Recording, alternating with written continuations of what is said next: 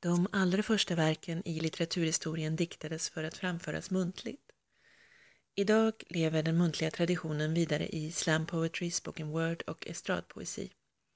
Man kan märka spåren av scenpoesin hos de båda debutanterna Yolanda Aurora Boom Ramirez och Nino Mick som just kommit ut med diktsamlingarna Ikon respektive 25 000 kilometer nervtrådar. Båda är erfarna scenpoeter och har även arbetat tillsammans i teaterpjäsen Dysforia på Sinaber teater. Det är som om dikterna skrivits för att pulsera i diktarnas blodomlopp och för att vrickas fram på tungan i uppläsningsrummet. Ett tydligt poetiskt jag blickar ut över omvärlden, tolkar och beskriver den åt läsaren. Förtroendet mellan poeten och läsaren är stort. Detta är inte dikter där språket kollapsar i sina minsta beståndsdelar. Det poeten har att säga är lätt att fatta. Jag måste erkänna att jag inte har läst så mycket spoken word. Och kanske huvudproblemet i mitt ögonskap ligger just i ordet läst. För det är trots allt en form som ofta adresserar publiken muntligt och sceniskt.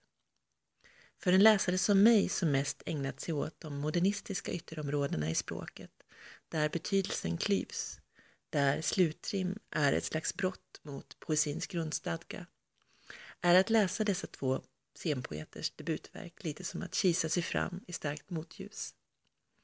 Det är bländande klart och tydligt. Var finns dubbeltydigheten? Språkets gruskross? Men även gamla mullvadar som jag kan vänja sig vid att läsa med solglasögon. Boom Ramirez och Mick gillar att rimma Inrim och slutrim, alla slags rim. Dikterna klingar och kränger. Det är bling på blygden och japp rimmar med fucka upp. Det är ord som kommer ur andra slags ytterområden. Förorten, sociala segregation i motstånd mot vithetsnormen.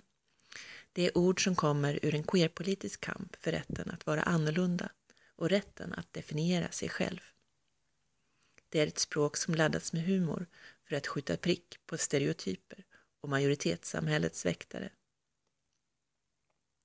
Det erfarenhetsrum dessa båda diktsamlingar erbjuder sin läsare är unikt.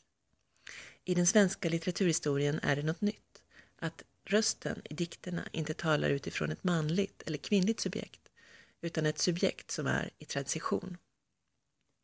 Särskilt tydligt är detta hos Ninomik, där den så kallade könsutredningen utgör en strukturerande beståndsdel i diktsamlingen. Den både börjar och slutar med att jaget tar tid hos ett könsutredningsteam som ska ställa diagnosen könsdysfori. Denna diagnos är nödvändig för att en ska ha rätt att genomgå könsbekräftande behandling via landstinget. I diktsamlingens inledande dikt heter det citat Jag är här för att jag vill bli lämnad i fred. Slutcitat. Denna lilla mening öppnar upp för många tolkningsnivåer. Dels har jaget kommit till dikten för att ha rätt till att definiera sig själv på sina egna premisser. Dels när den könsbekräftande behandlingen är över kommer jaget äntligen bli lämnad i fred från människor som inte tycker att jaget passar in i könskategorierna. Och samtidigt är det tydligt att jaget inte vill bli lämnat i fred alls, snarare tvärtom. Dikten är ett slags megafon och det att lämnas i fred blir snarare en sorts grupptillhörighet. Vi är de som vill bli lämnade i fred och vi delar gärna med oss av våra erfarenheter om hur det yttrar sig. I den sista dikten ber könsutredningen jaget om att beskriva sig själv.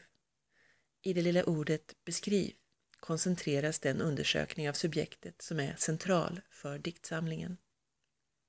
Vem blir beskriven och av vem?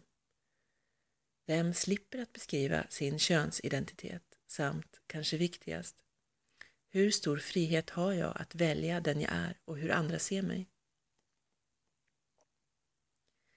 Nino Micks undersökning kan påminna om de andra poeter som svenska Ida Börjel eller amerikanska Vanessa Place gjort i sina poetiska analyser av samhällets institutioner. Hos Mick är myndigheternas maktutövande inte något binärt. Det är inte bara så att subjektet underkastar sig makten. Förtrycket finns överallt.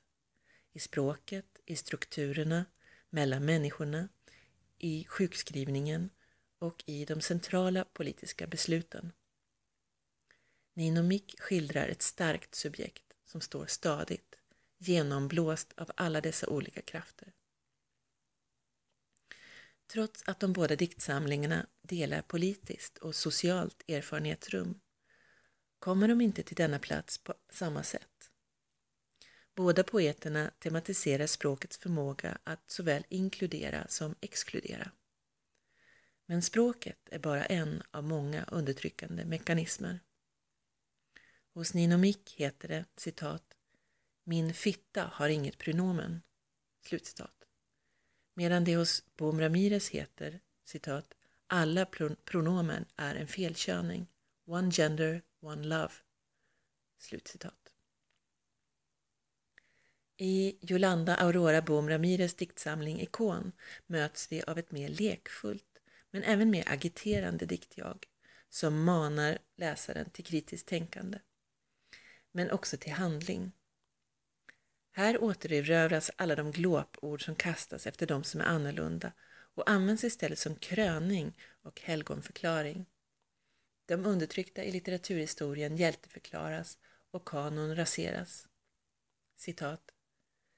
Du är den maniskt skrattande piloten i cockpiten i ett störtande hospice för nobelpristagares kåtsug om upphöjdhet och kanonisering. Du är bönder med högafflar. Du är en profet." Slutcitat. Båda poeterna tar spjärn mot symbolisk makt som inte klart definieras men som ändå verkar. Till exempel uppträder Gud som fluktuerande fiktionslinje hos båda poeterna. Ibland är Gud en farsa som gör alla besvikna. Ibland en orgasm. Nino Mick beskriver relationen till Gud som en före detta kärleksrelation.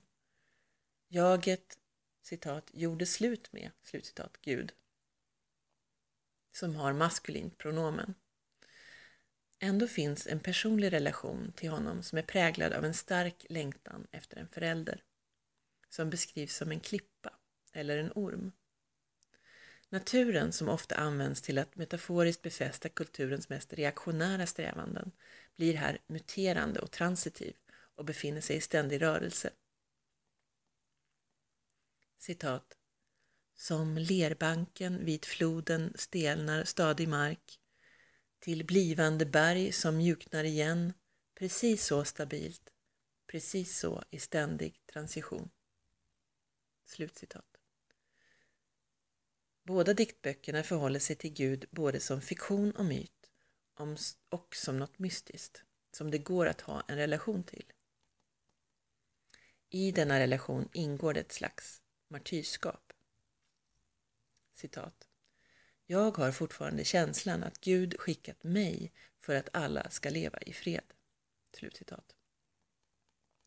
Skriver Nino Mick. Även hos Bom Ramirez är martyren en levande figur som blandas samman med nattvarden i dessa rader tagna ur dikten Köttfärsträden blommar.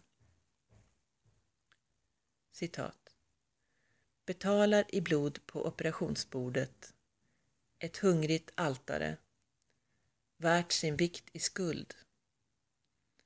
Ta mitt hjärta, ta mitt ansikte, ta mitt kön. Har redan slagit dem till köttfärs i väggen. Slutcitat.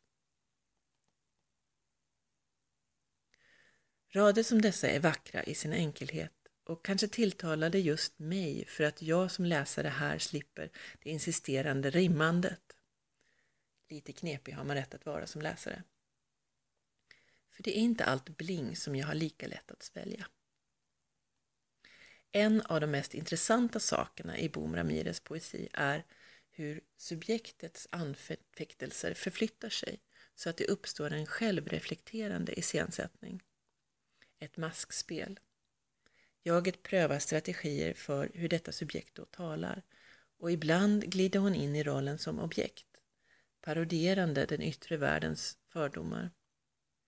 Den position som så kommer till uttryck har mycket gemensamt med Jean Genets exalterade tjuvar och heliga banditer och med Antonin Artaud då han helgonförklarar sig själv och gör alla oheliga skrifter heliga. Den symboliska makten uppträder också som det litterära etablissemanget, förlaget eller den färdiga godkända litteraturen. Detta är inte okomplicerat för någon av poeterna. Om Bo Ramirez i den ovan citerade frasen kan tala om nobelpristagares kåtsug om upphöjdhet så avbildas han samtidigt själv på omslaget med en bok av nobelpristagaren Gabriela Mistral i handen.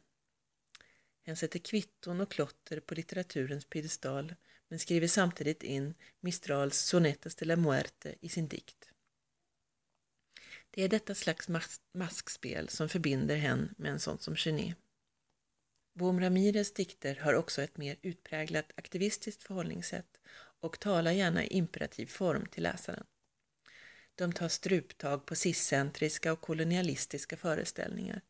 Poeten kritiserar till exempel hur transsexuella beskrivs som mellankönen eller födda i fel kropp och hur majoritetssamhället hela tiden utgår ifrån kategorierna man eller kvinna och från vithetsnormen. Boken tecknar även ett ömt och humoristiskt porträtt av moderns strävan som nyanländ från Chile i det svenska samhället där vår bild av hennes hemland beskrivs som citat Coca-colonialism, magisk realism, Paulo Coelho, erotiserande och exotifierande. Slutcitat. Jag ser med stor nyfikenhet fram emot hur dessa författarskap kommer att utveckla sig. Nino Mix och Yolanda Aurora Boom Ramirez bokdebuter är inte bara viktiga poetiska dokument. De förser också läsare med strategier för att tackla vardagsrasism, sjukskrivningar och marginalisering.